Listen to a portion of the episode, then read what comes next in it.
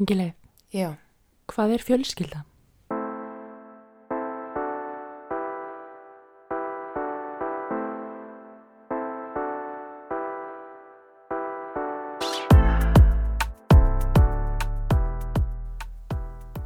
Jú, góðan daginn.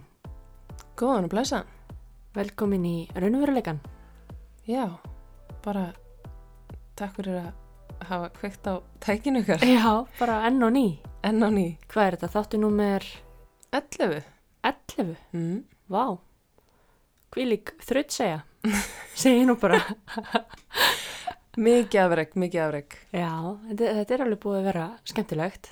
Já, mjög skemmtilegt, en það er ótrúlega skrítið að vera í svona sumafríi og vera í algjöru tímaleysi og átta sig ekki á því að það sé komin Vika. vika síðan senst Mhm. þetta kom út. Emmitt, það Mér finnst tíminn alveg fljúa, óþægilega hratt hérna. Mhm, Og okkur langaði svolítið að tala um fjölskyldur núna. mhm. Og mér finnst það pínu viðegandi því að þegar maður er svona í sumafríi þá er maður auðvitað mjög gætnan í faðmi fjölskyldunar. Hvort sem það er hinn eigilega fjölskylda eða stór fjölskylda eða bara vinir Mm sem eru líka fjölskylda. Já, emitt. En áður en við höldum áfram, ef þið eru með fjölskyldun ykkar, eitthvað staðar þar sem er Dominos pítsustæður nálagt, Mm -hmm. þá skulið þið fara og næla ykkur eina pítsu vegna þess að Dominos er snild og það er geggjað að fá sér eina löðrandi, núna sérstaklega það er þriðudagur, það er þriðudagstilbóð. Já, Nýtið ykkur það með fjölskyldun ykkar. það er bara ekki setna vetna en akkurát núna. Sama Einmitt. hvað klukkan er. Hún er góð í morgumat, hátegismat og kvöldmat. Ok, það er ekkert annað. Og síð, síðan nætur snarl. Ok, já, bara stið þessa hegðun. Dominos er öll mál. Já. Uh, Dominos er styrtaræðali þáttarins og við þökkum þeim kærlega fyrir. Mm Og svo er Cheeto Care, einnig styrtaræðili þáttarins. Mjög fjölskyldu væn vara. Jú, jú, hefur mikið með fjölskyldur að gera, enda fjölskyldu fyrirtæki. Nákvæmlega. Og hérna krem sem að virka fyrir alla fjölskylduna. Við höfum, höfum notað kremin bæði á okkur og bönnin okkar. Sérstaklega núna í sólinni af því að það er hérna sólavörn í kremunum. Mhm. Mjög mikilvægt að bera á sér sólverð og ekki verra geta verið með gegja andlitskrem í leiðinni og svo mæli ég með hérna svona ferðakitti sem Cheeto Care er með. Þar er sem sagt uh, andlitskrem, það er body lotion, Mm -hmm. það er skrúbbur og handabörður ef að Mhm. mér skjáttlast ekki. Mhm. Allt sem hún þarft í ferðalagið. Já, já, við erum með tvö svoleiðis kitt með okkur hérna á flatri. Mjögum þessu á okkur bara alla daga. Já. En á cheetocare.is getið þið fengið 20% afslátt með kóðanum ingileif20. Er það ennþá betur yfir sem Nei, mér finnst þetta bara mjög eðlilegt og gott. Gott að geta hérna, veitt afslátt. Já, já, það er Eh, ekki vera. Það er gefandi. Mjög. Þannig að njótið vel og talandi um fjölskyldur, Já. þá er það mitt umræðefni þáttarins eins og við erum búin að koma inn á. Já, okkur langaði svolítið að tala um fjölskyldur eins og ég sagði áðan og hérna, það er ekki úr lausulofti gripið vegna þess að, að sko, ég held að flestir eigi einhvers konar fjölskyldur. Það eru þetta ólíkar og það hefur verið svolítið svona hjartansmál hjá okkur að reyna svolítið að tala um ólík fjölskylduform Mm. og muna það að, að þú veist, við erum öll ólík, þú veist, fjölbreytileikin á líka heima þar og, og það sem við eigum mjög svona, hérna, fallega uh, fjölskyldi sem samastendur af fjórum einstaklingum og einum hundi, þá höfum við ofta reykið okkur á það, þú veist, að við tilheyrum ekki þessu hefðbundna fjölskyldu normi Mm. og hvað, hvað það getur kannski stundum verið pínu svona útilokandi eða hérna svona, já, uh, oft áhugaverð vekkferð sem að við höfum þurft að fara í gegnum með það. En eitt enn sem betur fer ekki útilokandi á þann hátt fyrir okkur að við séum eitthvað útilokar frá samfélaginu, alls Nei, ekki. nei, ég var nú ekki að meina það, en bara svona, ma maður getur alveg fundið fyrir þessum svona, svona, svona momentum, þú veist, það sem að það er ekki gert ráð fyrir okkar fjölskylduformi, ég er að tala um það. Emitt, og ég held að þetta hefðbundna fjölskylduform sé svolítið svona að brotna upp, ok, Mm. ekki brotna upp, það er ennþá bara gott og gilt, en ég held að það sé svona, við séum aðeins að brjótast út úr þessu svo kallaða normi, Mm Tímanar hafa breyst, vissulega, og þetta þetta ekkit bara við um, veist, hinsegin fjölskyldur, þetta er líka bara fjölskyldur þar sem er ekki mamma eða ekki pappi heldur af og amma eða fósturforeldrar eða þið veitir, það er svo margar tegundir af fjölskyldum það núti og ekkit eitt form sem að allir passa bara inn í. Mm þannig að hérna, við tölum ekki fyrir því að það sé, svona við gerum ráð fyrir mismunandi fjölskylduformum. -hmm. Og svo um eitt höfum við svolítið rætta líka vegna þess að eins og við höfum nú komið inn á í fyrri þáttum þá átt þú Marja svona ákveðna sögu sem að gera það verkum að þín fjölskylda brotnaði upp Mm og eftir það bjóst þér líka svolítið til kannski bara svona chosen family eins og það er kallað. Já, uh, þó svo við séum kannski núna búin að finna aftur okkar heima, Mm -hmm. þú veist fjölskyldan mín, við erum aftur komin saman sem betur fer, uh, að þá er það nefnilega svo satt að, að fjölskyldan þarf ekkit endilega einskurðast við heimilið sem að maður fæðist inn í og hérna ég, ég og mínar vinkonur allavega ákveðin, ákveðin hluti þeirra höfum oft talað um þetta að, að við erum líka fjölskylda Mhm. og, og hérna, við, við höfum haldið upp á stórviðburði saman og, og svona passað upp á hver aðra. Mm og, og það er líka svo dýrmætt veist, að, að leifa sér að fara út fyrir þetta venjulega box ef maður þarf á því að halda líka. -hmm. en það þarf ekki endilega að vera heldur af því að maður þarf á því að halda. Veist, það er bara leifilegt að gera þetta eins og maður vill. Já, En- maður getur líka bara átt fjölskyldu og auka fjölskyldu í vinum og, algjörlega sko. og ennaðra fjölskyldu í einhverjum öðrum. Þú veist, það er bara, já, fjölskyldur eru bara alls konar. En nú ert þú svolítið mikil fjölskyldu manneskja engileif, þú ert meira sem með sko tattoo sem táknar fjölskylda og, og þú veist, ég veit ekki hvað og hvað og þegar við kynntumst þá svona, þá varst þú mjög fjölskyldu meðuð manneskja Mm -hmm. og við kynntumst á tímapunkti mínu lífi þar sem ég var mjög absent gagvart minni fjölskyldu og mér fannst svona mjög óeðlilegt í raun og veru bara hvað þið voru öll bara eitthvað þú veist, gúsi gúsi, allir hamingjusamir allir hérna, þeir eru náttúrulega eruð eins og reisastór ítölsk fjölskylda eða eitthvað sko. Já, já.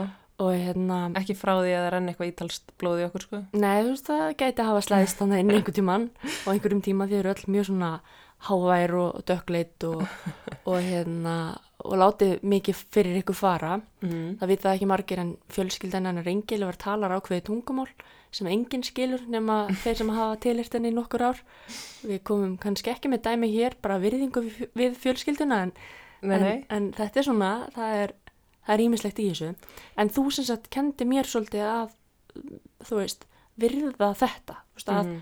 að kunna meta þessar stundir.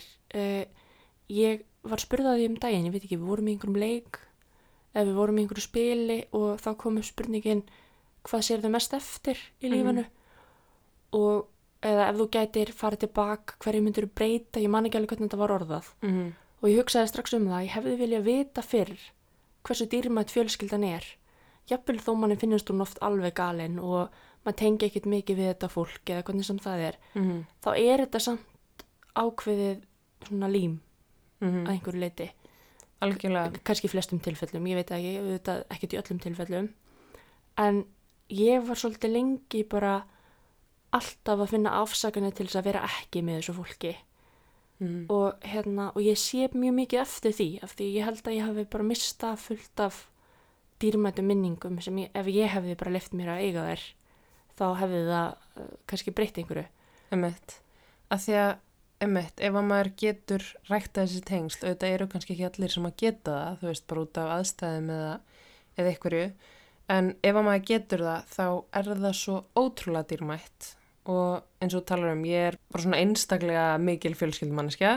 Um, og fjölskylda mín hefur alltaf verið bara mjög náinn og hérna, bara allir einhvern veginn, já, segja ég elska þig við alla. Og það er einhvern veginn bara, já, mjög mikil fjölskylda sem síni mjög mikla ást. Og fyrir mér er það svo mikilvægt að því að þá veit maður einhvern veginn alltaf að hverju maður gengur líka, þú veist, við erum líka bara þannig að ef við erum pyrruð á það bara, þú veist, Mhm. það er bara, það er ekki verið að fela neitt mitt og þú veist, það þýðir ekki að það hefur allt, alltaf bara verið fullkomið, við hefum alveg oft reykist á og þurft að fara í gegnum alls konar hluti mm.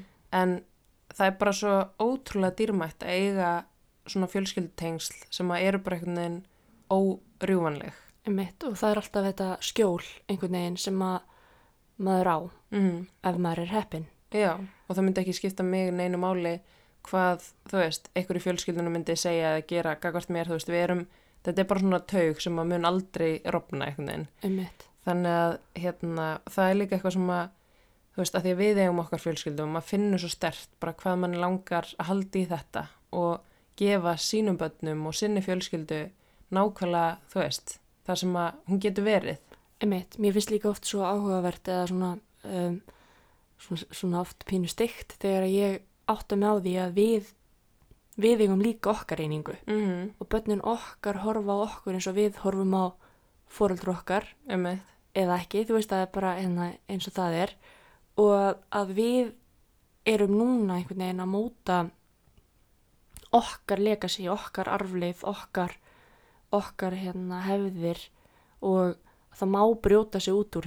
Þú veist, Mhm. það er svolítið svona, veistu, við höfum svolítið verið svona hérna, að fikra okkur áfram með það. Já, ótrúlega fyndið sko varandi þetta sem vorst að nefna með að þeir muni horfa okkur eins og við horfum á fóreldra okkar. Þú veist, þegar ég var að allst upp þá ædólisera ég fóreldra mína þau einhvern veginn höfðu alltaf rétt fyrir sér í öllu Mm -hmm. og gerðu aldrei neinn mistök og allt þetta. Sko, við erum bara, mér finnst við vera bara einhvern veginn alveg út á túnni oft Já, og það er ótrúlega fyndið að, að okkar börnum muni talandi um það, þá var rökkvið að vakna. Já, emitt. Þetta er bara raunveruleikin. Bönnin okkar vakna stundum þegar að við erum að taka upp. Emitt, við erum mættir aftur. en já, það sem ég var svona að fara að segja þannig var að uh, það er bara svo fyndið hvað maður er og ég held að maður sé alltaf í gegnum lífið þannig að maður er alltaf að búlsita smá Mm -hmm. og maður er aldrei með 100% alltaf hreinu og þó svo að maður sem krakki haldi að allir fullorðinir séum alltaf hreinu þá er engin með það á hreinu uh, hvernig allt er. Og hérna það er bara eitthvað sem ég held að sé bara mikilvægt líka að kenna bönnunum sínum, þú veist við erum ekki fullkomnar og, og bara verðum það aldrei og það er bara í góðu lagi að gera mistök og allt þetta. Já, ég held að flestir hafi átt svona moment, bara svona eins og með jólasvinnin eða eitthvað, mm. að hérna, bara já, byrju fóreldrar mínir eru manneskjur.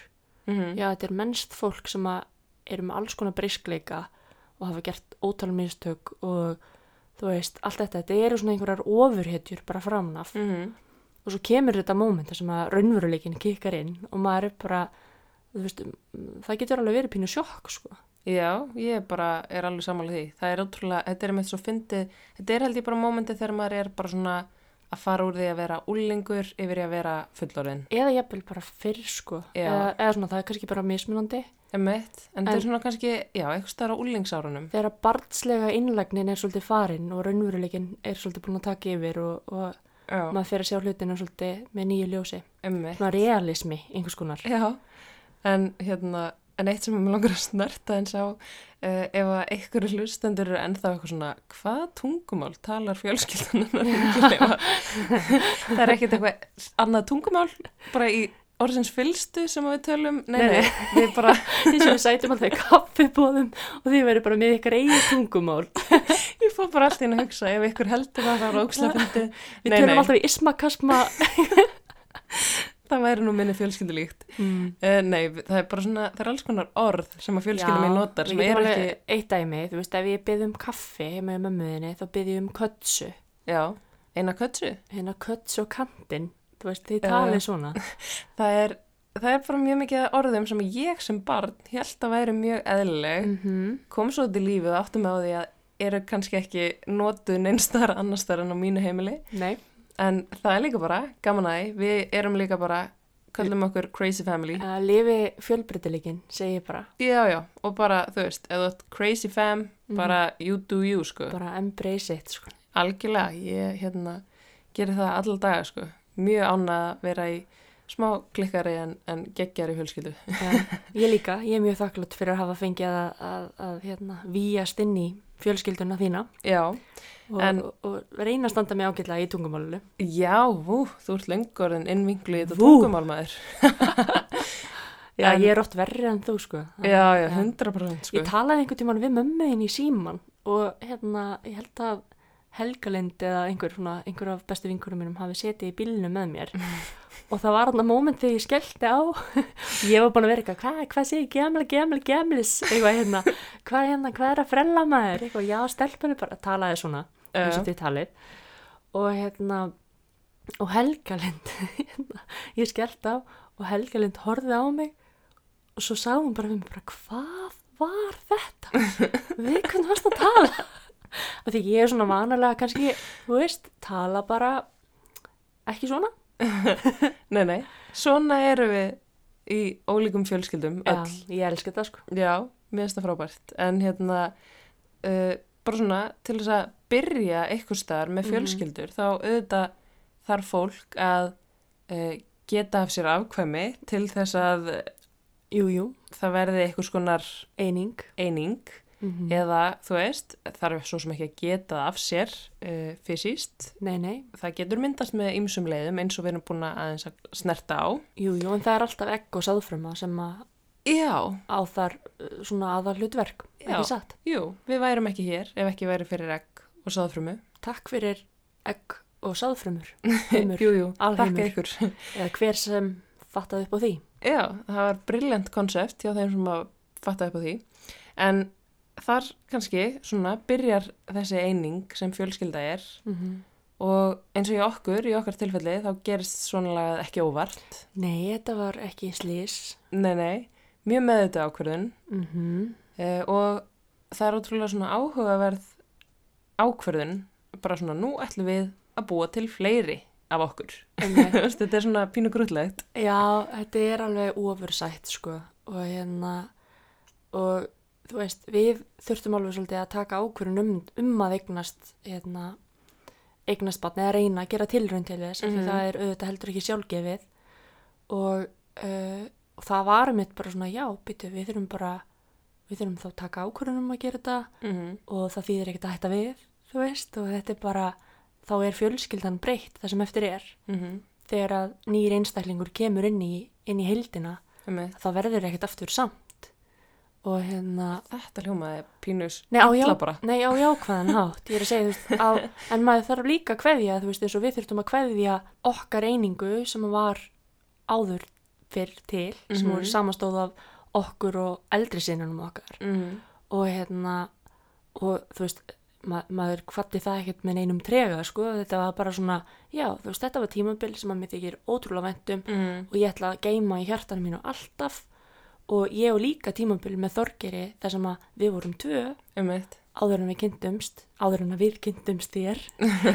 Um, og það er líka tímabil sem ég á í hjartanum mínu og mér þykir væntum Mm og hérna, og, svo koll og kolli sko, veist, þannig að það er það, það er bara hérna hver einasti einstaklingur inn í fjölskyldinu breytir auðvitað dýnamikinni og þú veist, við finnum það alveg það er alveg smá munur að eiga, þú veist tvö börn og, og einn hund eða bara eitt barn, sko Algjörlega og þú veist, þá bara verða einhvern veginn verkefnin önnur en ekki síður skemmtileg, sko. nei, ég meina, ég elska allt við þetta, sko Já, ég er náttúrulega svona típa sem að vera til í að tíu börn, sko.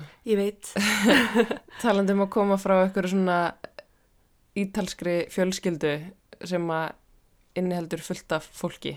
mm Þá, hérna, er það mjög heillandi tilhugsun í Já, mínum huga. ég, ég er meiri svona praktiker í hugsun sko og hugsa sko, já um leiðu þú þarft að fara fjörfyrsta í sko rútu eða þú veist, einhverju svona hérna, já, eða, eða bara sveitabæ eða eitthvað til þess að rúma alla þá, ekki það, það er Það er ekki- upp sko, Já, það er ekki að versta sem ég hef heyrt. Sveitabær með ókslega mikið krökkum. Já, með bara eitthvað svona volsagen rúbrauð og Mm. þú veist, hunda og dýr og eitthvað. Ég er bara æminn. er það lífið sem þið langar í?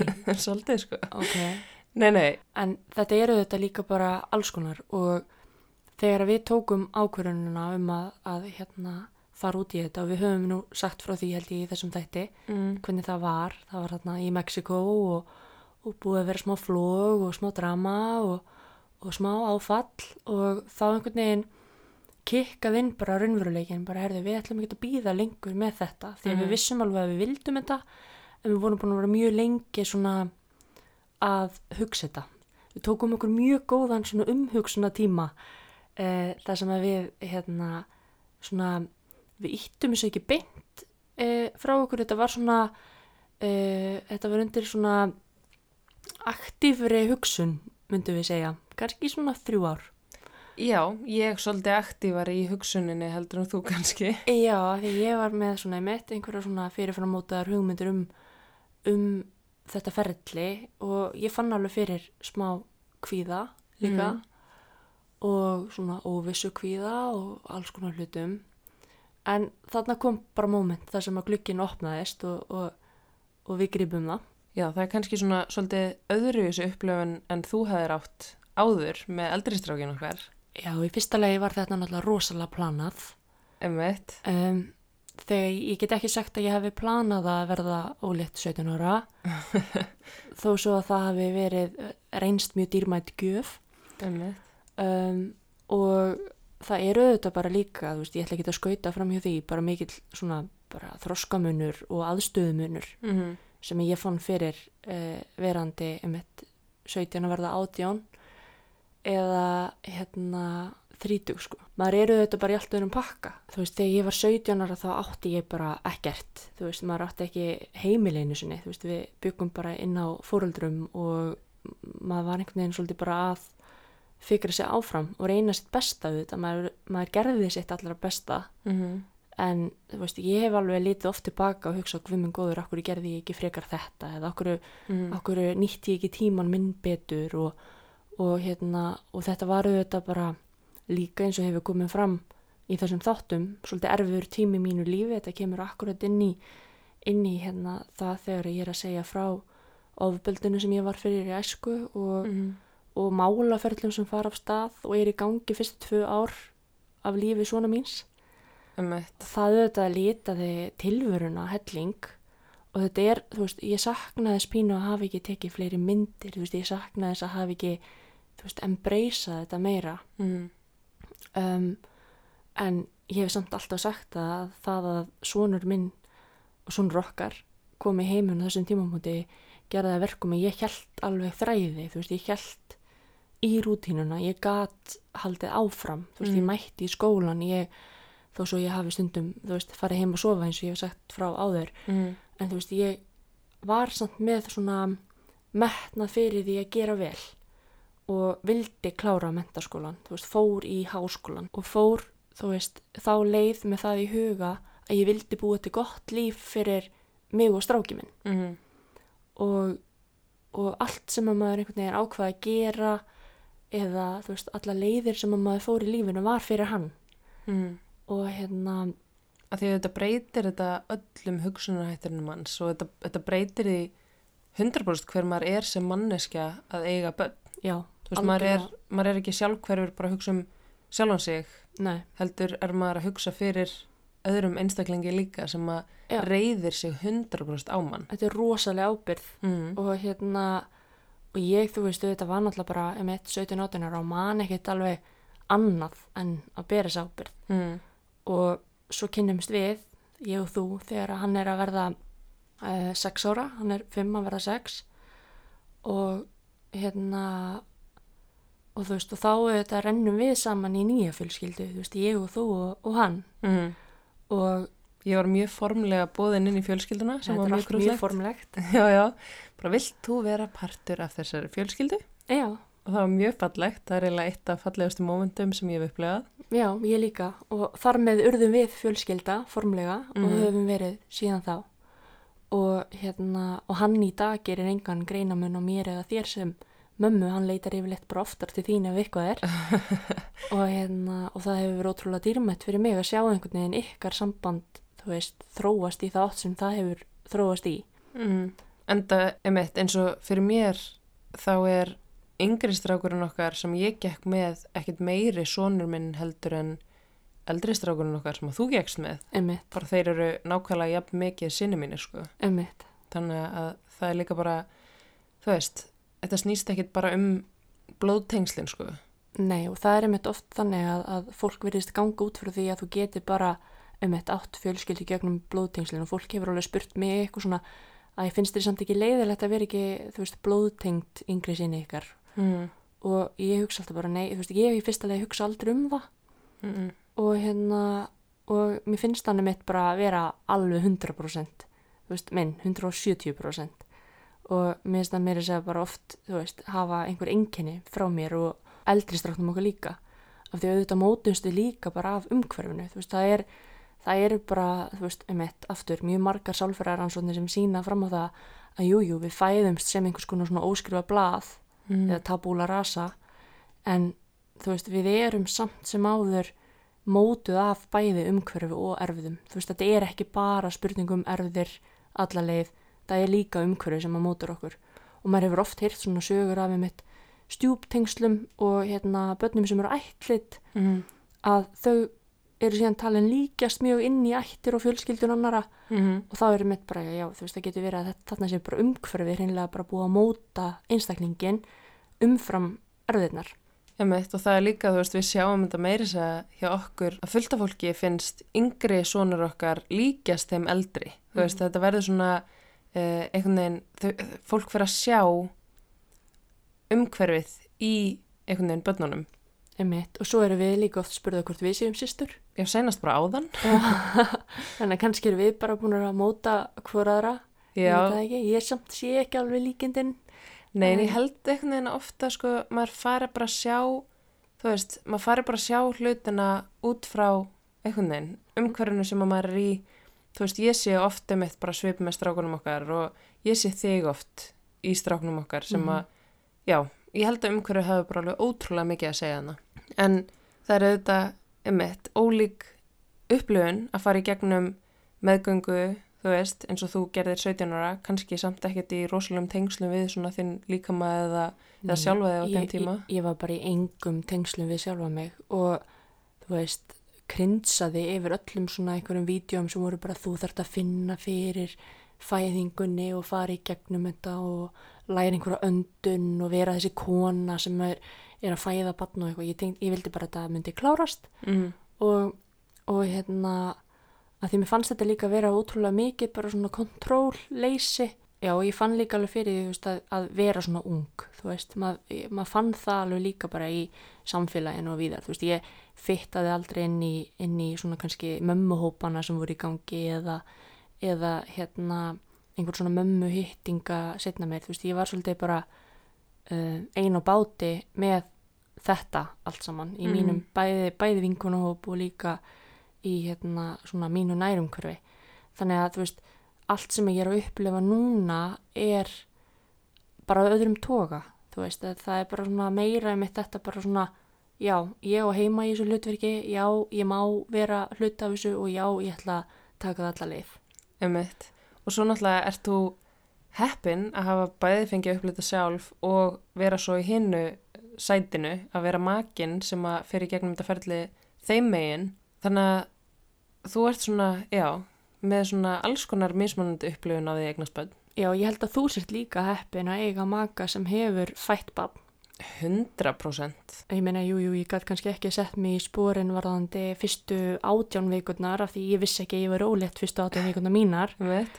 en hérna, og þú varst alltaf eitthvað svona, hvernig, hvernig kannstu ekki tekið eftir þessu, hérna, þú varst með ógleði og eitthvað svona dót og ég bara var greinilega svo ung og, og hérna, greinilega bara á fullkominum tíma hvern mannsins í að fara í gegnum þetta allt saman, ég fann bara ekkert fyrir þessu Mm. um, en jú, en þú veist eins og í fæðingunni sjálfur svona, þá held ég að ég hafi fengið alveg svolítið forskott á aðra maka Mm. mm, af því ég vissi nákvæmlega hvernig tilfinningin er uh, ég myndi eftir þessum sársöka þannig ég gatt sínt því svona ákveðin skilning og líkilatrið er að ég vissi hvenar ég ætti ekki vera fyrir þér af því að það er eiginlega mesta kunstin held ég að vera bara ekki fyrir þú Mm. veist að leifa þessu náttúrulega ferli bara eiga sér stað Mhm. og um, já, bara þú veist, ekki flækjast um mikið fyrir af því ég myndi alveg sjálf eftir og minni fæðingu kom ég fannst óþólandi þegar einhver ætlaði að fara að tala við mig á einhverjum tímabúndi eða trubla mig þegar maður er bara komin inn í þetta Mm. svona þetta fæðingarsón þegar náttúrun hefur bara tekið völdin og þú ert ekkit, þú ert eiginlega bara ekkit lengur á staðunum Nei, þú ert ekki manneskja í smá stund, sko. þú Nei, ert þú bara, veist, þetta er bara eitthvað svona, þú ferð bara inn í eitthvað svona, einhvern annan heim, bara einhvern, eitthvað annað són þegar þú ert með hríðar, sko. Já, maður er líka bara, ég upplýði smá eins og ég sjálf væri bara eitthvað svona yfirnáttúrulegt afl sem að væri bara að vinna einhverja stærstu þregraun lífsins þú þú, þú varst það líka pínu sko.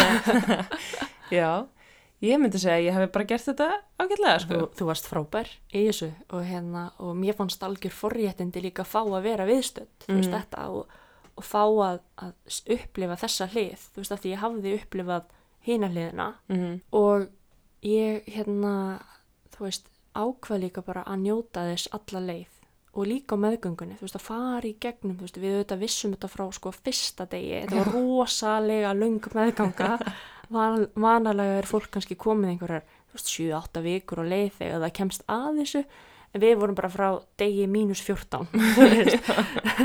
og hérna bara byggð upp hvern einasta dag og hérna og rosalega löng meðgangan á sama tíma mjög gefandi -hmm. og ég var alveg búin að vera mjög svona kvíðin gagvart þessu af því að veist, mín reynsla var pínu kvíðavaldandi og á mjög kvíðavaldandi tímabili í mínu lífi Mm þannig ég hafði kannski ekki notið þess eins og ég hefði viljað nákvæmlega þetta sem voru að lýsa varum eitt svolítið líka ástæðan fyrir því að við vorum svona smá á bremsunni með að hvenar við ættum að gera þetta mm. að því að þú svona hafði líka svolítið áhyggjur af því að þín fyrir reynsla myndi lita þessa reynslu Mm. að þú veist, þú myndir kannski ekki ná að njóta þess nógu vel eða að þú væri ekki, þú veist, myndir ekki finna tengslinn strax eða eitthvað Mhm. svoleiðis Einmitt. en svo bara gerist allt mm -hmm. og hefnaðist allt alveg fáránlega vel Nei, sko, Og- það var líka bara mómentið bara þegar hann fættist þá held ég að allar þessar áhyggjur sem að þú hefðir eitthvað tímann haft um þetta hafi svolítið bara farið út um gluggan já, já, ég meina að þú veist ég sá bara lífið í nýju ljósi í raun og veru sko og Mm. hérna og þú veist, þetta er svona einmitt eitt af þessum mómentum sem að maður gleymir aldrei og að, þú veist, horfa á manneskina sem að maður elskar mest í heiminum þú veist, leggja þetta á sig fyrir þetta til að stækka okkar fjölskyldu og líka, þú veist, það hafði alveg verið, þú veist, einhver hluta vegna mjög lengi þinn draumur að fæða batn og, og fara í gegnum þetta ferli og ég skilða alveg mjög vel þó svo ég tengi ekki kannski mikið við að vilja gera þetta aftur. En, Ég verði til í að gera þetta oft. Já, það er nefnilega hendar mér mjög vel að, að þú sér til í að gera þetta mjög oft því ég er svona, ég finn ekki ennþá þessa þörf. En, en ég viðkynni samt að eftir að við hérna fórum í gegnum þetta ferli saman að þá svona, það er glufa en hún Mhm. er ekki stór sko. En, en, en þú veist, en að sjá bara hérna, að sjá þetta gerast og, og sjá bara um eitt líf kvikna er algjör styrlun Já, þetta fer úr því að vera bara eitthvað svona spörki bumbu yfir í Mhm. að vera bara manneskja. Og við líka, þú veist, fyrstu veist, við auðvitað bara horfðum ekki á neitt annað í heiminum og höfum svo sem varla gert í 11 mánuði nema síðan okkur tvo já, þetta er bara þetta er eitthvað að magnaðasta sem eða bara ekkit eitthvað það magnaðasta þetta er bara það allra magnaðasta held ég sem að maður getur nokkuð tíman upplifað. Ég veit að það er fullt af fólki sem að kýs að eiga ekki börn og vill ekki eiga börn og allt það og þú veist, við erum ekki að fara að tala hérna af einhverjum, einhverju hásæti um að þú veist, allir verða eignast börn, bara alls ekki. En fyrir okkur var þetta bara og verður alltaf bara eitthvað að stórkostlegasta og það allra stórkostlegasta Mhm. í veröldinni. Og við erum svo hefnar að eiga tvo stráka sem eru bara fullkomnir eins og þeir eru. Og einhvern veginn að hafa fengið þetta tækifæri þú veist þetta gekk ótrúlega vel hjá okkur. Sko eiginlega bara lígilega vel. Vandræðilega vel. Já. skulum bara segja það, ég vil ekki jinxa neitt. Þú veist, ég, ég bara, þú veist við höfum þetta bara svona, þetta gekk fúsulega vel. Já, og hérna, af því það er ekki sjálfgefið. Næ, og ég veit að það er örgulega sko það erfiðast í heimi að reyna og það gengur ekki mm svona vel.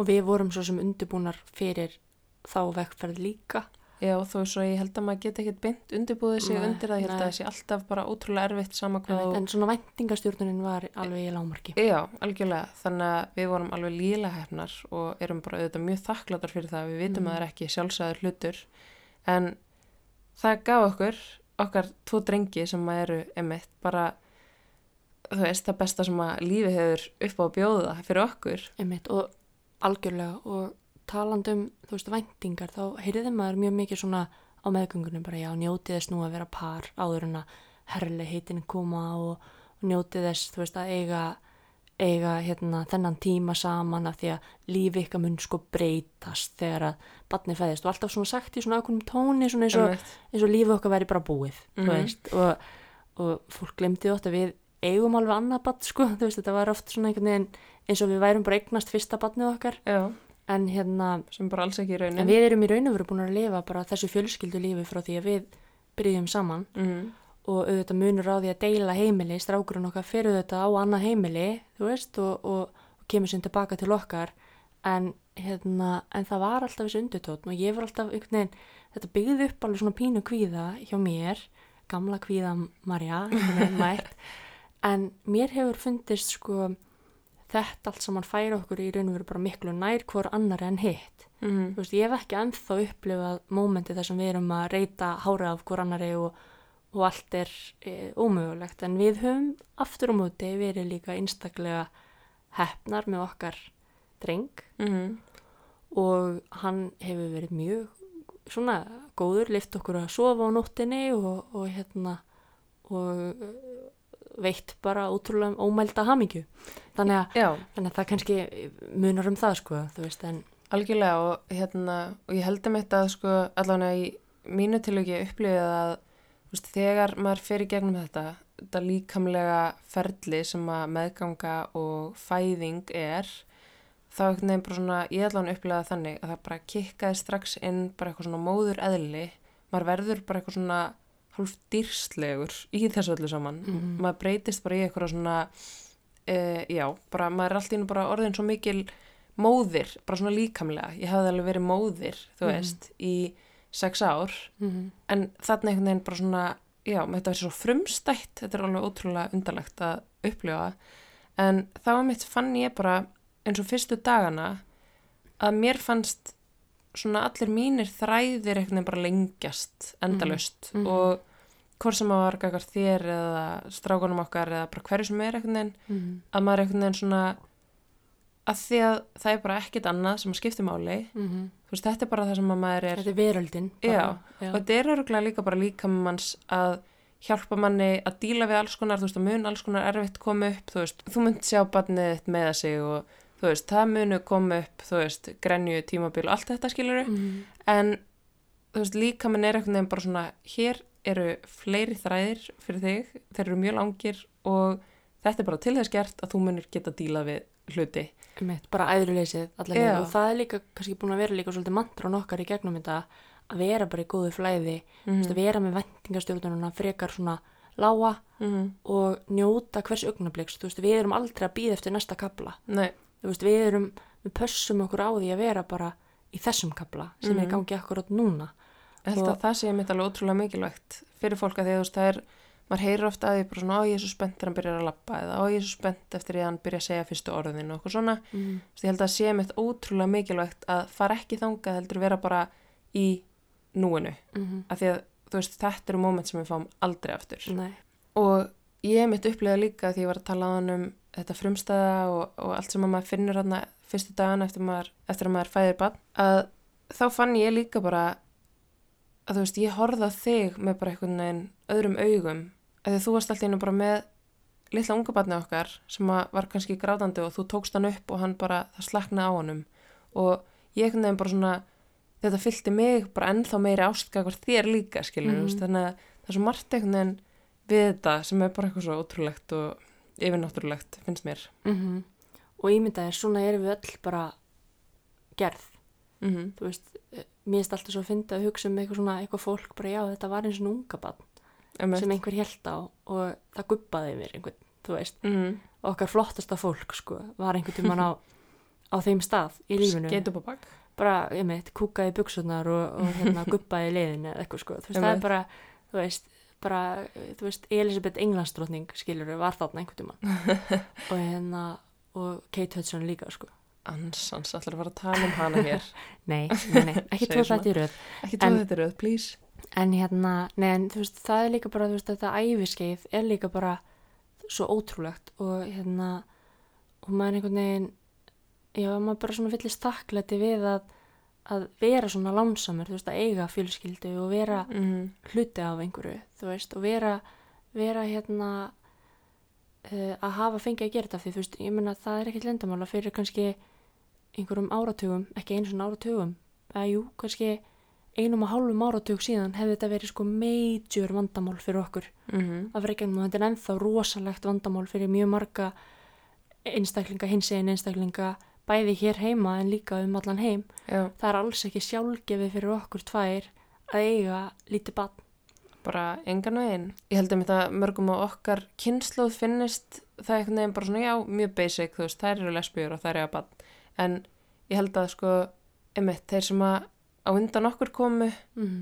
uh, þekktu þetta bara alls ekki. bara rosalegt vandamál þurft að fara, þú veist, til útlanda til þess að fara út í þetta ferli þar og svo oft þegar heim var komið var bara ótrúlegt vandamál inn í kerfunum, þú veist að við kerfið gerði ekki ráð fyrir þessu fjölskylduformi. Mm og hérna, og ég virt um dæmi þú veist, það sem að viðkomandi þú veist, sem að gekk ekki með barnið þurftu bara að fara í gegnum frum ætliðingu á barninu með tilherrandi sko barnavendar heimsóknum og, eftirliti hjá velferðarkerfinu og eitthvað rugl sko. -hmm. uh, á meðan að eina sem gerði ekki var að ganga með barnið ganga ekki með barnið þannig þú veist, þetta er svona þetta, veist, þetta hefur breyst rosalega mikið á stuttum tíma Mm og þú veist, ég passa mig líka á því að vera óbúðslega þakklót fyrir það þú veist, að taka svo ekki sem sko sjálfsögum hlut en á sama tíma finnst mér þetta að ég að vera sjálfsögum hlutur -hmm. þannig þetta er svona, þú veist, þetta er mjög svona, hérna, vand með farið Já, því þetta er líka ekkert eitthvað svona grín ákvörðun. Þú ert að taka ákvörðun um að koma með nýja mannesku inn í Mhm. hennan heim sem að þú ert búin að ákveða þá að bera ábyrð á, mm -hmm. þú veist, að fullu Mhm. og það þýðir bara alltaf góða og alltaf slæma og þetta er manneskja, sko. Þetta er ekki bara eitthvað svona djók að ákveðagna spatt, sko. Nei, og við erum líka meðveitaður um það að við erum auðvitað færin í hennan heim einstakling sem að mun eiga ólíkt fjölskylduform en margir aðrir og þess vegna eru við líka daglega að berjast fyrir því að breyta Mm. staðalmyndunum, þú veist, að tala fyrir ólíkum fjölskylduform. Það er að því að okkur langar auðvitað til, til þess að búa til pláss fyrir okkur bönn. Algjörlega og það er meiri að þú veist svo magna hvað svona, svona fastgrónar hefðir í okkar samfélagi er oft að flækjast fyrir manna því að meiri að bara þegar við áttum okkur strák og uh, vorum svona búin að tala um að hann er þið Mariusson sem var alltaf bara augljóst mál í mínum huga, þú Mhm. veist uh, mér finnst það bara meika fullkominn sens ég gekk með hann, uh, Ingi Leifarsson hljómar alls ekki vel. Og finnst Mariusson bara svo ótrúlega fallegt og, og þú varst samt í bara svona þér fannst þetta svolítið einhvern veginn flókja því þú varst bara ok, en þú veist, hann verið kendur við konu, þú veist, Mm, er þetta fara að vera hamlandi fyrir hann, þú veist, og mm. einhvern veginn, þú veist, fóst alveg, þetta voru alveg smá komplexar gagvært þessu, Að þetta er ekki normið, Já. veist, það er bara þannig sem er ótrúlega hérna leðilegt og þú Mhm. veist, þetta er bara eitthvað svona fastgrónar samfélagshefðir sem að sem að við einhvern veginn erum að reyna aðeins að brjótast út úr Einmitt. og munu vonandi, þú veist, eftir einhver ár, þú veist, þá held ég að þær verði ekki drosalega ríkjandi og þetta er alltaf að breytast og þróast í rétta átt, held ég. En það er einmitt bara svo mikilvægt að hafa í huga, þú veist, fjölskylduformi eru ólík Mhm. og þú veist, við komum öll frá mismunandi bakgrunni og þú veist, við erum öll bara manneskjur sem erum bara að reyna að lifa hérna þessu lífi. Einmitt og ég hef alveg heyrt dæmi um það, þú veist, við höfum, það hefur ekki reynd á það ennþá hjá okkur, kannski alveg, af því að eldri strákurinn okkar var komin í grunnskóla þegar að við kynntumst, eða var að Mhm. byrja, hann var bara að taka, hann var bara leiðinni fyrstu, hérna, skóladagana sína, þá, en ég hef heyrt af því að það getur stundum verið pínu flókið, þú veist, eins og í leikskólum, að það er oft svona einhverju pappamotnar Mm -hmm. og það er oft svona einhver svona ættatré sem að börn þurfa að fylla inn í og það er gert ráð fyrir, þú veist, mömmu og pappa Mm og tveimur fóreldrum, þú veist, af því það eru líka oft einstæði fóreldra sem að lenda í vesinni með þetta Einmitt. og þarna fin- finnst mér svo erfitt af því að börnin eru einhvern veginn sett í einhverju stöðu þarna í að vera útsett fyrir því að vera ekki hluta á norminu Mm og mér finnst svo einfalt og ég byðila til þeirra ef það er einhverjan úti að hlusta sem að vinnur í leikskólum eða þekkir einhvern sem að vinnur á þessum frábæru stofnunum -hmm. að hugsa þetta aðeins út fyrir þetta norm og hugsa þetta aðeins lengra ekki hérna bara ganga út frá því að allir eigi mömmu og pappa Mm um, það eru þetta algengast en þarna eru alls konar börn sem lendi í því að þurfa bara að krassa yfir helmingin af, af blaðinu þú veist, og finnast þau kannski ekki geta klárað einhver verkefni sem eru fyrirfram sett upp út frá einhverjum fyrirfram mótuðum hugmyndum um hvernig fjölskyldur eru Einmitt. Er ekki það einfaldra að vera bara með tónblað þar sem að þú bara býrð til þitt eigið fjölskyldutri. Einmitt, og það getur verið alls konar eins og bara tré eru. Mhm. Þú veist, þetta er ekki þannig, við lifum ekki þannig veröld að við eigum öll sama bakgrunnin. Einmitt. Og ég væri heldur ekki til í þannig veröld að því að það væri mjög einsleitt. Mm. Þannig að þú veist, að búa til þetta pláss strax held ég að skipti öllu máli. Mm. Og hérna, fyrir öll þessi börn, þú veist, við erum með börn af ólíkum uppruna, með ólíkan bakgrunn, með ólík stuðningskerfi og hérna, og það er svo ljótt að byrja að mismuna strax þarna. Já, því að þarna þetta byrjar þetta sko.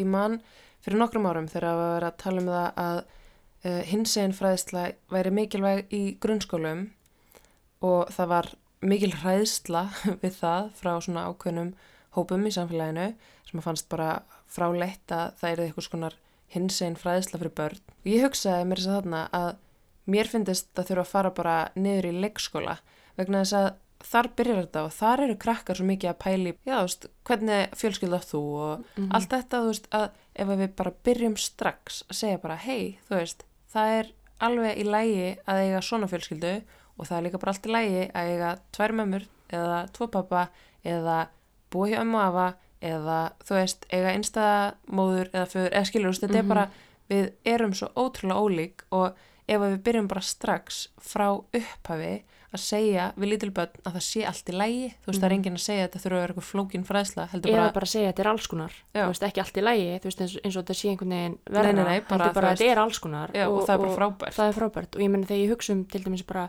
minn árgang í, hérna, í grunnskóla, þá held ég að það hafi verið tveir af, eða þrýr af tólf sem áttu kjarnafjölskyldur. Mm.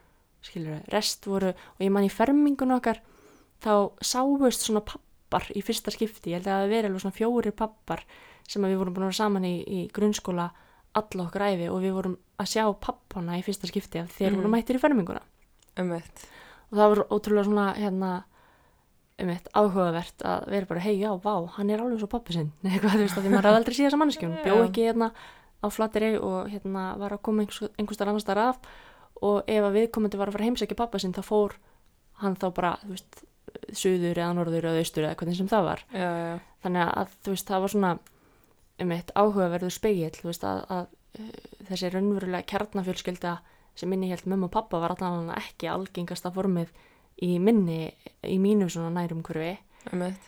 En, en, það er einmitt bara svo mikilvægt að, þú veist, byrja að tala um þetta snemma og það er einmitt ástæðan fyrir því að við erum lengi búin að tala um það að e, gefa út barnabók.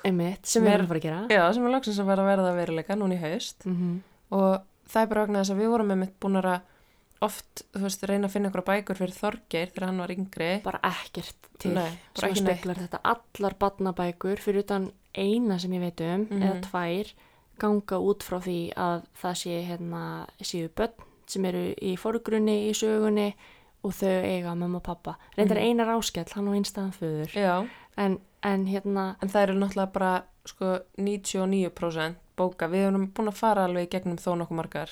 og þú veist. og það eru bara örfáar sem að, og það eru reynir bara algjört frávik ef að þær fara ekki eftir þessu hefbunna Mhm. og hérna við meiris að fengum þau svör einu sinni þegar við fórum að ræða þessa hugmynd hjá ónefndu bókaforlegi að það væri nú búið að gefa út eina íslenska hins einn barnabók og það þyrfti ekki að gera aðra.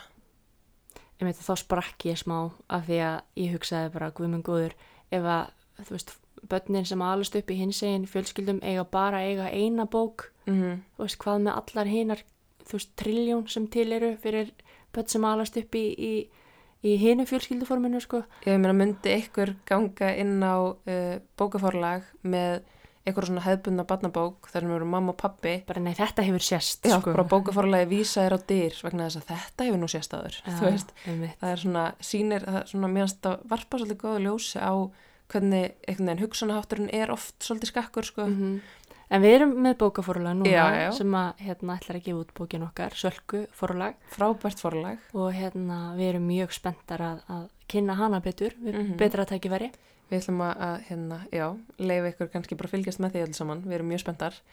En, einmitt, þetta er bara, það er svo mikilvægt að, hérna, vera líka bara sínileg í samfélaginu og vera ekki, þú veist, að skammast sín fyrir. Og það var einmitt ástæðan fyrir því að því snerta eins á því áðan að við tölum um uh, Maríusson að það var líka mitt ástæðan fyrir á endan voru við bara Maríusson Einmitt. og auðvitað erum við óksla stoltar af því. Og, ég þurfti bara að horfast í augu að, að að útsetja hann fyrir því að vera öðruvísi. Þú veist, og þannig þurfti ég bara um að, að henda blöytir í tusku í andlita á mér og segja stopp sko, að auðvitað þykir mér ótrúlega vænt um það að sonar okkar sem kendu við mig, mm, það er bara þannig. Og hérna og bara eitt, eitt af dýrmætasta sem ég á sko. Einmitt. þannig að, þannig að þú veist, maður er líka kannski oft óviljandi að taka þátt í mismununinni. Mm að því maður gengur ekki inn í veruleikan, þú veist, maður fer ekki alla leið og segir, herri, jú, við erum hérna, við ætlum að taka plás, við ætlum að vera öðruvísi fjölskylda ef, ef við viljið kalla það þannig, en á endunum erum við bara, þú veist, fjórar manneskjur sem elskum hver aðra mm. og búin til geggjaða minningar saman og förum í gegnum vondudagana og góðudagana og borðum morgumatinn okkar saman og kvöldmatinn og kissum hvort að annað góða nótt.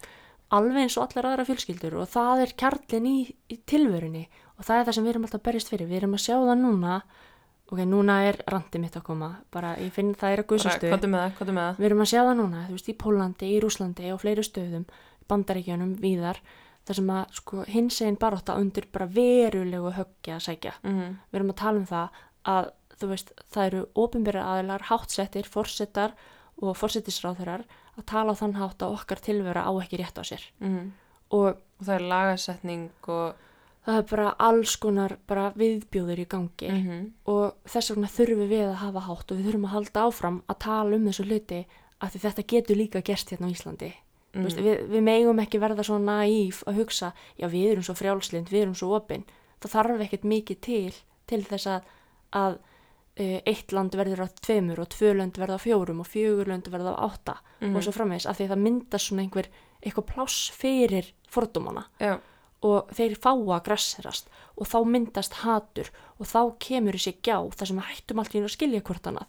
Allt í einu erum við stödd í samfélaginu okkar sem við höfum alltaf treyst á og það er fullt af fólki í sama samfélagi sem tala bara ekki sama tungumál og við. Mm. þá er ég ekki að tala um tungumál fjölskylduna þinnar þá er ég að tala um bara, bara aðrar áherslur, það er það sem gerist í Pólandi þú veist það var þarna mjög áhugavert viðtal við, við pólskan aktivista hins eginn aktivista sem var að segja þú veist ég trú ekki að þetta sé að gerast í mínu landi Mm. að þetta sé aðal kostningamál fórsetisframbjóðandans þar.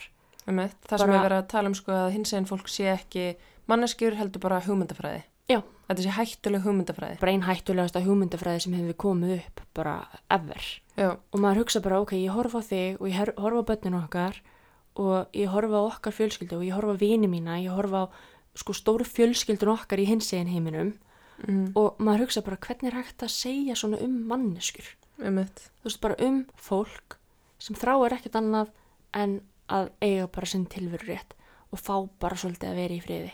Og ég veit við erum komna núna út fyrir bóksið, en þetta er samt fjölskylda mín. Einn samfélag á Íslandi er fjölskylda mín líka. mm. Og hérna, og, og bara fjölskyldan okkar, við erum hins einn manneskjur mhm, þó svo að við séum og einmitt eins og þú snertir eins á áðan þú veist að við erum innan gæsalappa eitthvað svona öðruvísi fjölskylda en þú veist við erum ekki öðruvísi fjölskylda við erum bara mjög eðlileg fjölskylda mjög venjuleg fjölskylda og bara einmitt, þú veist, erum ekkit þú veist, það er ekkit við okkur sem er eitthvað öðruvísi Nei. svo að við séum af sama kyni þá er ekkert veist, það, það er ekkert sem gerir okkur eitthvað, eitthvað verri foreldra eða þú veist, minna þú veist, mæður eða minna foreldrar eða þú veist, mhm. að ég veit ekki, þú veist, við, við einhvern veginn uh, erum ekki öðruvísi þótt að við séum tverkonur. Nei, og, og einmitt, þú veist, alls konar svona steikt moment sem við fórum í gegnum bara meðgöngunni, það sem var bara svona einmitt einhver félagsáðgefi sem við þurftum að hitta út af þessu ferli sem sagði við okkur að við þurftum að passa upp á það að ef að barni er því strákur að hann myndi eiga karlkins ímyndir og ég menna, jújú, ég menna auðvitað eru fyrirmyndir mikilvægar þú veist, út um allt en af hverju að finnast þú vera knúin til þess að ítrekka þetta? Mm -hmm. þú veist, ég, ég sé það ekki alveg þú veist, ég, ég sé ekki af hverju það var mikilvægt. Nei, Og- þetta var líka svona svona að- dángreitar mann pínu Já, eins og það sé líka smá verið að gefa í skinn að þú veist, við tvær séum ekki alveg hæfar til þess að þú veist, mæta öllum þörfum okkar barns. af því að hann er karlmaður. Já, og ég eins og hugsa það sé eitthvað líka slæmt við það að hans foreldrar séu þá með kvenlega eiginleika en ekki, þú veist, bara karlæga, eða skilur og er, það kannski bara svolítið vandamál almennt með kynin og hlutverk kynjana mm. að við hugsum svona? Mm. þú veist að, að við hugsum þannig að það séu nú bara sterkir karlmenn sem geta alveg upp sterka karlmenn og, og mjúkar konur sem geta alveg upp þægur og góða stelpur. Um, þarna er bara rísa rót sem að fær bara grassarast inn í hilbriðiskerfun okkar. Mm. þú veist. Og bara út um allt í samfélaginu út um allt. Og, og er samofið inn í bara allt sem við gerum mm. og hérna og þú veist, maður er þú veist, e, já, ég verð stundum bara pínum mát á svona af því þú veist e, hvað eru karlægi gildi og hvað eru kvenlegi gildi, þú veist um og er, er þetta ekki allt bara fjöldaframlítar hugmyndir sem aftur sem að við erum mötuð af endalust aftur og aftur og aftur allir sem uppfylla ekki þetta eru þá annarkvært hommalegir eða lessulegir mm -hmm. og svo framvegis og þannig er einhvers konar svona spírall af ránkhugmyndum sem fær einhvern veginn að, að þjóta áfram á, aftur og aftur og aftur og það segir ekki bara stopp, heyrðu, hérna förum að líta á þetta bara sem manneskur með ólíkar þarfir, ólíkar vendingar, ólík áhugamál og, og hérna og bara, þú veist, ólíkar þarfir fyrir að tjá sig í, í hvort sem það er í klæðinaði eða útliti eða bara hérna, með orðum. Mm -hmm. og, og kunnum að meta það. Hættum að reyna að tróða öllum inn í einhver boks til þess að þóknast hverju. Um eitt, bara engu. Bara ekki í neinu. Og það er bara þannig. Emitt, Sorry, er... ég er að fullir það en þú veist, þetta fer í mínar fínustu og þetta er svona hjartans hjartansmál eins og það heyrir. Ég er bara, ég er 100% standa með þér og mér finnst þetta yfirfærast líka yfir á svo marga aðra jáðarsetta hópa mm -hmm. sem eru mitt bara innflytundur og eru fatlaðir, eru emitt hinsegin, eru kynsegin, eða skilur, bara alla þessa hópa í samfélaginu sem er einhvern veginn af einhverjum fyrirframótum stöðlum einhvers sem ákvað það á einhverjum tímapunkti mm. öðruvísi en normið mm -hmm. Vist, hvað er þetta í grunninn annað en bara eitthvað svona algjör forræðishyggja um hvernig Kúun. fólk á að vera Ég ætla bara að segja þetta er bara kúun Já. þetta er bara skoðanakúun þú veist, er þetta í rauninni eitthvað annað en það alls ekki ég veit að það er djúft í árin að tekið en þú veist, ef þú ert ef eitthvað, einhver meiriluti eða svo kallaða meiriluti er búin að ákveða hvað er í lagi og hvað er ekki í lagi og svona megi eru haga þér og svona megi eru vera og svona fjölskyldur máttu eiga mm. þá er það auðvitað einhvers konar tegund á kún, ekki satt? Ég myndi áætla það, jú, líka bara emitt, þetta er, þetta er svo mikið þetta er svo mikið blekking Mm. að það sé bara eitthvað eitt rétt og hitt ekki þú veist, hver, hver setur þessa staðla hver er það sem ákveður það að því að í mínum huga er það rétt að vera góð manneskja og koma vel fram við annað fólk og reyna bara að skilja eftir sig góða hluti á sér jörðu það hefur ekkert með neitt utan að koma að gera. Nei. það er bara, fyrir mér ætti það að vera mælikvarðin Mm -hmm. en svo er samt bara eitthvað fólk að núti sem finnst mælikvarðin vera hvernig þú lítur út eða hvert kynið þetta er eða, eða hvernig þú elskar eða hvernig þú lítur út, hvað þú kemur. Mm veist, hvaða rugg er þetta? -hmm. fyrir ekki, þetta bara gerir mig ógísla reyða og ég, ég hérna, er svo með þér hérna, í þessum veist, í þessum eldmóði gegn þessu ruggli að því að þú veist, hvað er við að gera með þessu? Við erum bara að sundra þú veist, við erum bara að sundra samfélaginu og við erum bara að sundra fólki og heiminum bara almennt. Þegar við erum að ákveða að fólk sem er ekki nákvæmlega eins og einhverjum út í bæ finnst vera eðlilegt innan gæslappa eða normalt. Þú veist, hva, hvert eru við þá að stefna ef við ætlum ekki að búa til rými fyrir alla til að vera nákvæmlega eins og þeir eru?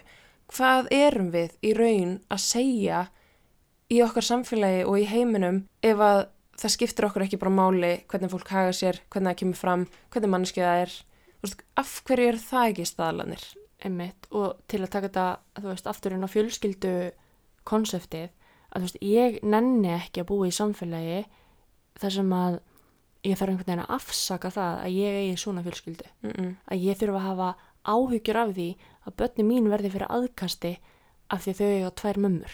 Að þau þurfa einhvern veginn að fara í gegnum lífið að skamma sín fyrir sitt fjölskylduform. Ég þekki einstaklingar sem eru aldnir upp í hins einn fjölskylduform að hafa upplifað þessar tilfinningar. Mm. og það lætur mig í alvörni langa til þess að öskra og gráta saman tíma.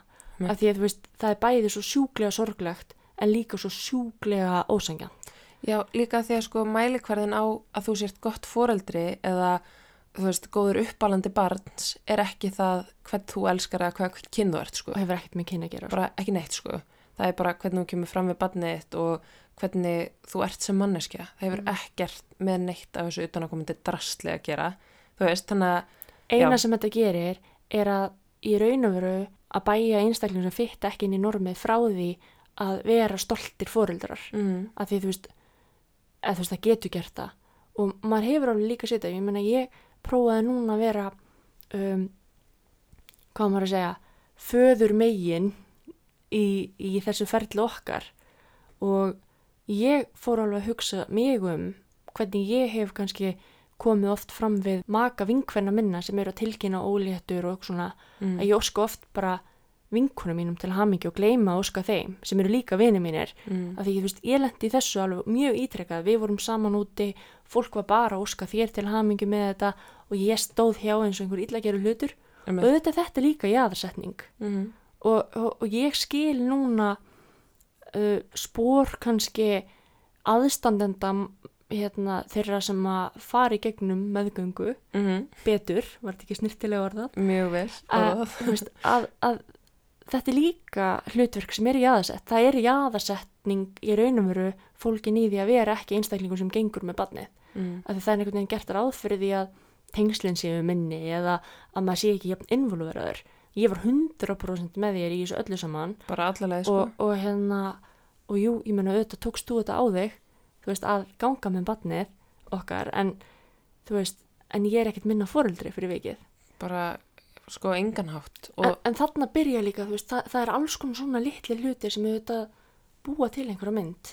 já, veist. síðan veldur maður líka fyrir sér einmitt að þú veist, ef að þú hefur ekki tekið þann pól í hæðina að vera bara eitthvað svona, heyrðu, þú veist, fuck this auðvitað er ég jafn mikið foreldri og maki minn sem er hérna að gangi gegnum meðgönguna og allt það en þú veist, ef að þú hefði farið í hináttina mitt þá hefði þetta líka alveg örugglega geta búið bara til meiri gjá á milli þín og batsins bara attitúti fyrirfram sko Já, og milli okkar, en svo held ég líka þarna eru við í forréttindastöðu að því við ákváðum að búa Mhm. til þetta barn. Þú veist, þetta er ákvörðin, þetta er planað, en fyrir kannski einstaklinga þar sem þetta er óplanað, þetta er pínu áfall, mm. eða þú veist, kannski ekki áfall, þetta er kannski bara pínu sjokk til að byrja með og svo vinnur fólk úr því að þú veist, að þetta er í ofanalag, auka álag að þú ert settur einhvern veginn út fyrir svega Mm. Í ferlinu. En það er kannski, þetta er smá útudúr en samt ekki. Þetta, þetta svona tónar alveg við það sem við erum búin að vera að tala um og, og þessi, þessi fjölskyldu mynd, hvernig hún blasir við í samfélaginu. Mm. og það er líka svona mitt það sem ég var, var svona einhvern veginn velta fyrir mér á meðan ég var að segja þetta á náðan var að þú veist maður hefur alveg heyrt um það að feður í kringum hann sem að fara í gegnum þetta ferli upplega kannski með þetta, þú veist þeir eru aldrei alveg fullkomlega inklútaðir í þetta ferli, alltaf svona aðeins bara, þú veist, út fyrir svega að því að konan er að ganga með barnið Fá ekki vera með í mömmuhópunum, þú veist, og, Einmitt. og allt þetta. að þeir eru strax orðnið svolítið exklútaðir og kannski fyrir vikið gera það að verkum að þeir upplifa sitt tilkall til hlutverksins ekki jafn stert og mömmunar, Og skilur kannski heldur það þá bara áfram að við halda hugmyndum okkur um hlutverk kynjana -hmm. og svo framvegis, þú veist. Algjörlega. ég, veist, þetta lítur að tala saman. Ég held það og einmitt, þó svo við séum komna kannski svolítið, komum mjög djúft já, hérna, sko. svolítið djúft og, og kannski svolítið út fyrir efnið að þá held ég einmitt að þetta sé ótrúlega mikið hlutverk og ábyrð okkar sem samfélags ábyrð til dæmis bara fólks í helbreyðiskerfinu sem við upplifum á mörgum tíumpundum að væri bara stórkostlegasta fólk í heiminum en þú veist, ykkur inn á milli sem að kannski einmitt voru ekki alveg axla það ábyrð gagvart þessum hlutverkum Mhm. og gagvart þessu, þessar nálgun á þetta ferli eins og það ættu verið að gera Mhm. þú veist að ég held að við öll í samfélaginu og þetta er eitthvað sem við hefum líka alveg talað um áður gagvart hinsegin fólki að þú veist, við sem hinsegin fólk við sem foreldrar við sem bara fólk almennt, við hefum alltaf að vera að kræfjast einhvers pláss fólk í kringum okkur, samfélagið á að búa til plássið Mhm. þú veist, við, þetta á ekki alltaf að vera við endalust að berjast fyrir þú veist, við sem samfélag verðum líka bara að taka ákvörðun um það að allir eiga sitt Einmitt, við eigum ekki þurfa endalust að króta yfir öll eðublöð sem fytti ekki inn í okkur. Þú veist, það er ekki mjög flókimál að uppfara þessi kerfi. það er ekki mjög flókið mál að tala um foreldra mm. en ekki bara mömmur og pappa mm. það er ekki mjög flókið að uppfæra það hvernig við hugsum um fjölskylduform. Mm. það tekur tíma en þú veist, ef við aktíft æfum okkur í þessu þegar við erum að tala um og við fólk Mm. að reyna að vera aðeins opnari gagvart fjölbreytileikunum. Algjörlega. Og þetta ábúraði mitt við um allan fjölbreytileika allstaðar já, og hérna, emitt, þú veist, fjölskylda er ekki bara eitthvað eitt. Fjölskylda er bara svo ótrúlega margt, getur verið alls konar. Og ég held einhvern veginn að, að, hérna, að við myndum öll hagnast af því að gera bara ráð fyrir því að fjölskylduform eru mismunandi. Þú veist, ég held að ekkit okkar hagnist á því að við ákveðum að eitthvað eitt sér rétt og ekki hitt, af því að það býr bara til, sko, í fyrsta lagi ótrúlega erfiðar aðstæður fyrir börn sem eru ég þá ætla að inn myndi í segja ekki síst fyrir börnin sko. Já, þú veist, fyrir börn sem eru inn í ykkur sem á að kallast óhefbundi fjölskylduform þú veist, hver, þú veist það, er, það er okkar hagur að láta börnunum okkar líða vel og þá verðum við líka bara öll svolítið að taka okkar hlutverki alvarlega sem fullorðnu fólki sem að myndar samfélagið mm. veist, að við verðum að axla það ábyrð að búa til rýmið um og það er, veist, það er ekki alltaf bara í okkar höndum og í höndum ég að settra hópa að byggjum og einhvern veginn að fara á hnén og spenna saman greipar og óska þess að við fáum plásið sem við umskilið. Einmitt, og þú veist, maður hefur alveg heyrt um dæmi um að fóreldra vilja ekki börnin leiki við einhvern af því að þau búa á þannig heimili Mm. eða að hérna, þau séu trans eða eitthvað svona Mm. veist, þa það er náttúrulega bara veist, þarna þarf fullorðna fólki aðeins að fá fullorðinsfræðslu Mm. og hérna og við þurfum einhvern veginn aðeins að opna, opna okkur fyrir fjölbreytileikunum Og það er einmitt sko, einmitt, við þekkjum nokkur dæmi og núna svona ég er alltaf að hugsa sko, auðvitað er fjölskyldu form ekki bara, þú veist, að foreldrarnir eða forraðamennir geti verið eitthvað annað en innan geðsalamba, þú veist, eitthvað sem ákallast hefðbundi, þú veist, mamma pappi eða hvað það er.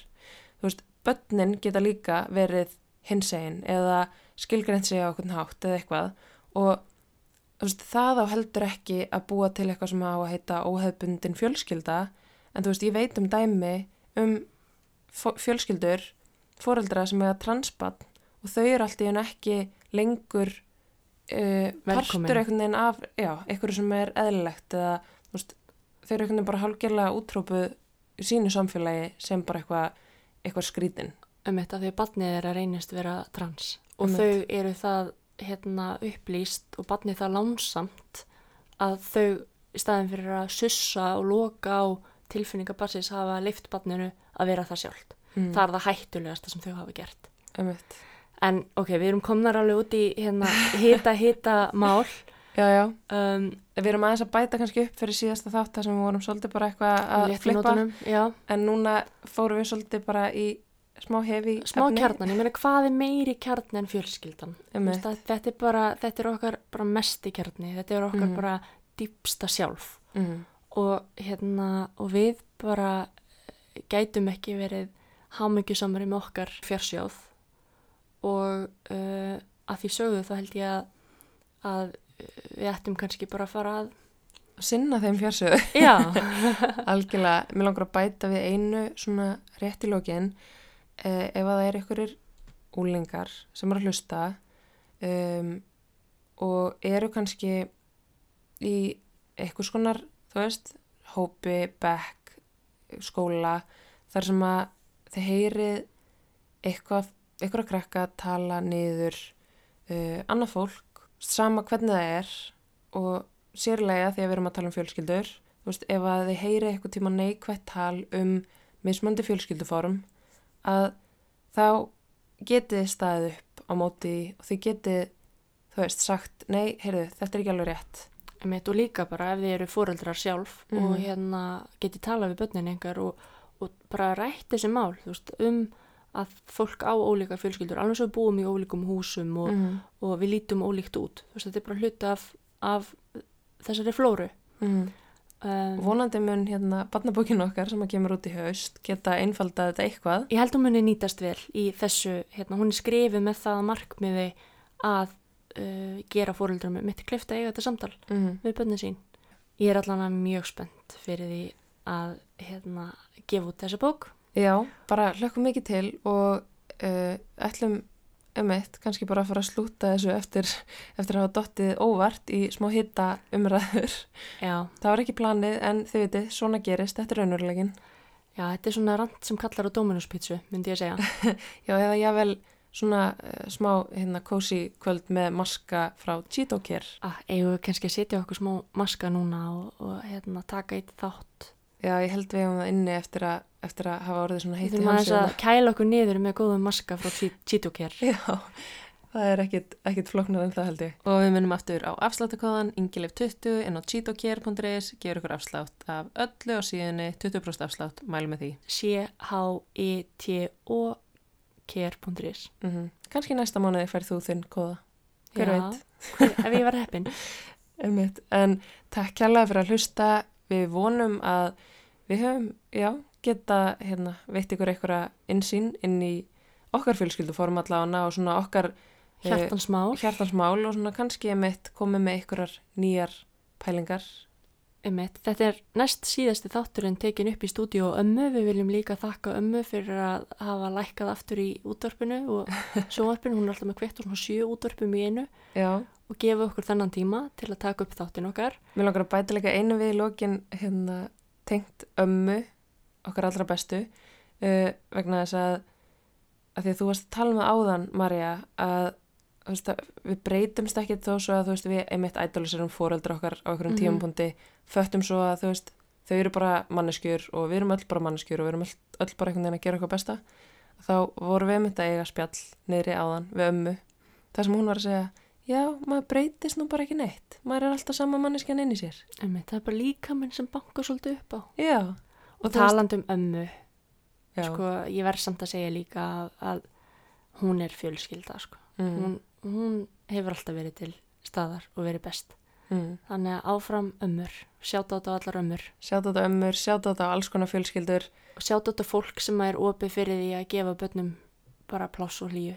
Já, og sjátt á þetta á bara, þú veist, líka bara fólk sem að vill ekki eignast börn og sjátt á Mhm. þetta á fólk sem að, þú veist, Frænk- eru einstæðir fóreldrar. Frængur og frænda og, og sískinni og, og allt. Fóstur fóreldrar, uh, fólk sem ætliðir og, og, já, Mm. og þar fram eftir göttunum. Og sjátt á þetta börn, Sjátt á þetta börn, börn eru snild.